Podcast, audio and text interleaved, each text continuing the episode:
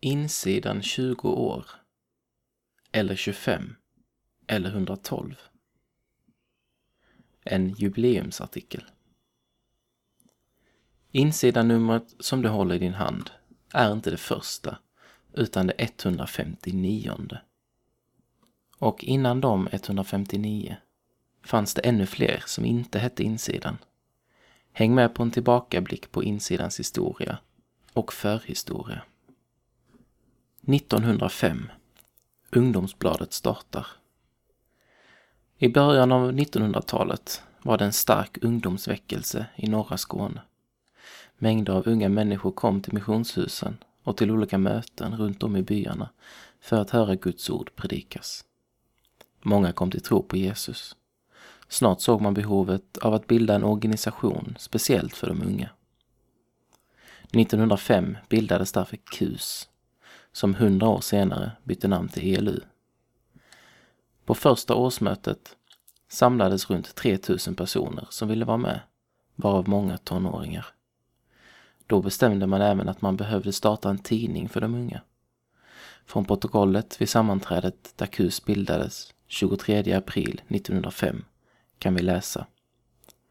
Ett eget tidningsorgan vore nödvändigt. Blott det bästa innehåll är däri gott nog. Därför startades samma år Ungdomsbladet och ett provnummer kom ut i november 1905. I det första numret kunde man läsa citat Ungdomsbladet. Ja, nu har denna lilla anspråkslösa tidning börjat sin första årgång. Det är ett faktum. Det är brukligt att i prenumerationsanmälningar med pukor och trumpeter förkunna vad man har att bjuda och vilka framstående snillen och förmågor som lovat medarbeta. Vi kunde av två skäl icke följa detta exempel. För det första är vi så fattiga att vi icke äga någon trumpet. För det andra finns det inga snillen och förmågor som lovat medverka. Utan det är bara vanligt folk eller så kallade vardagsmänniskor som har Ungdomsbladets redigering om sin hand. Slut citat.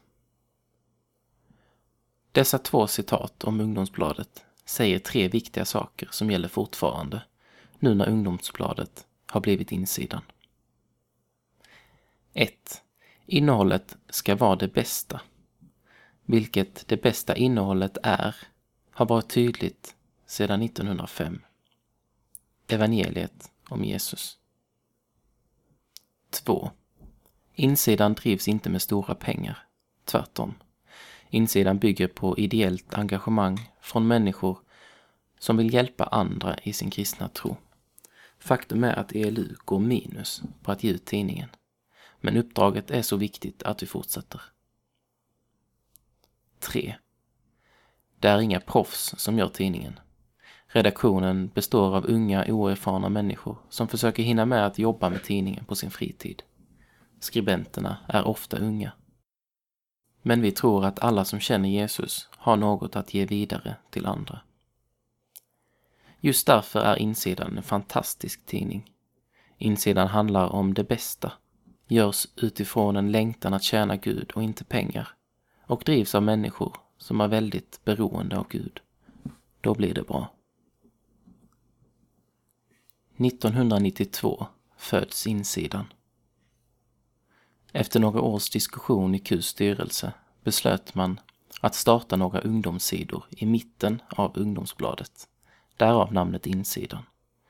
Några ungdomar tillfrågades till en första redaktion och 1992 kom de första insidorna ut. Citat av Sia Björk. Det var inget nytt tidningen skulle komma med, men vi ville presentera det på ett nytt sätt.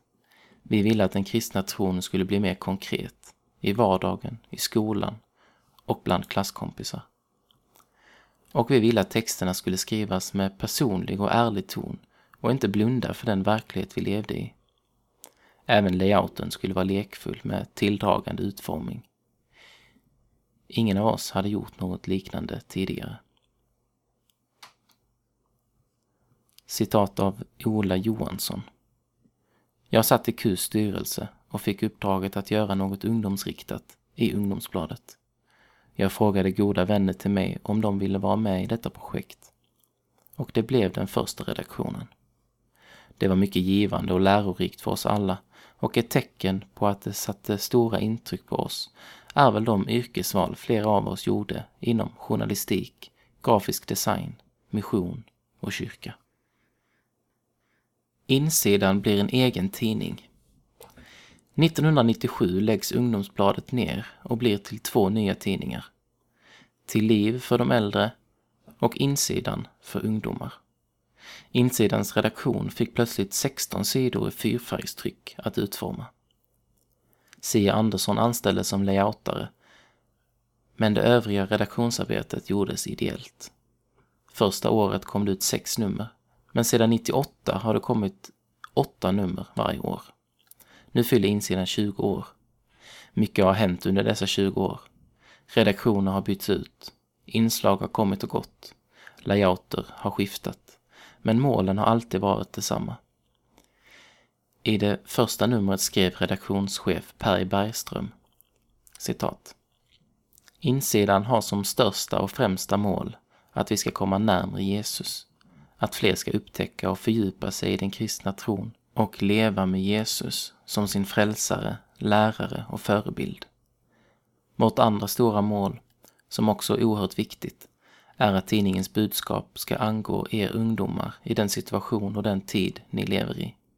Insidan ska ta upp och behandla frågor och företeelser som är viktiga, aktuella, berör många. Det vill säga, den ska handla om hur det är att leva som ung kristen idag. Slutcitat. De målen håller även 20 år senare och lång tid framåt.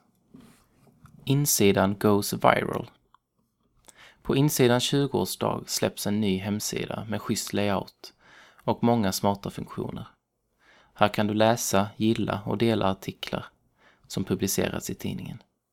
Tack vare ett smart taggningssystem får du tips på andra texter som handlar om samma ämne direkt under den artikel du precis läst. Om du letar efter en artikel med specifikt innehåll går det lätt att hitta genom att markera en eller flera taggar. Till exempel tvivel och kamp, dopet och skolan. Dessutom kan du läsa artiklar utifrån tidningsnummer, popularitet, typ av inslag eller författare. Och självklart krävs det bara ett klick för att dela i sociala medier.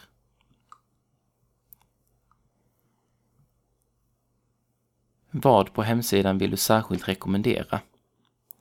Isak Engström svarar. Han är webbdesigner och har byggt hemsidan.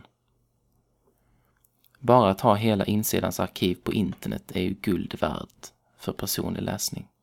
Men jag hoppas också att folk kommer att använda dela-funktionerna mycket så att artiklarna sprids till fler. Varför en ny hemsida och podd? Jakob Andersson svarar, redaktionschef och initiativtagare. Vi vill helt enkelt att det ska bli lättare att få ta del av insidans innehåll. Finns texterna i mobilen, på datorn, i Facebookflödet och i hörlurarna så ökar möjligheterna. Fler kan halka in och få reda på att vi finns och de som redan läser får fler alternativ.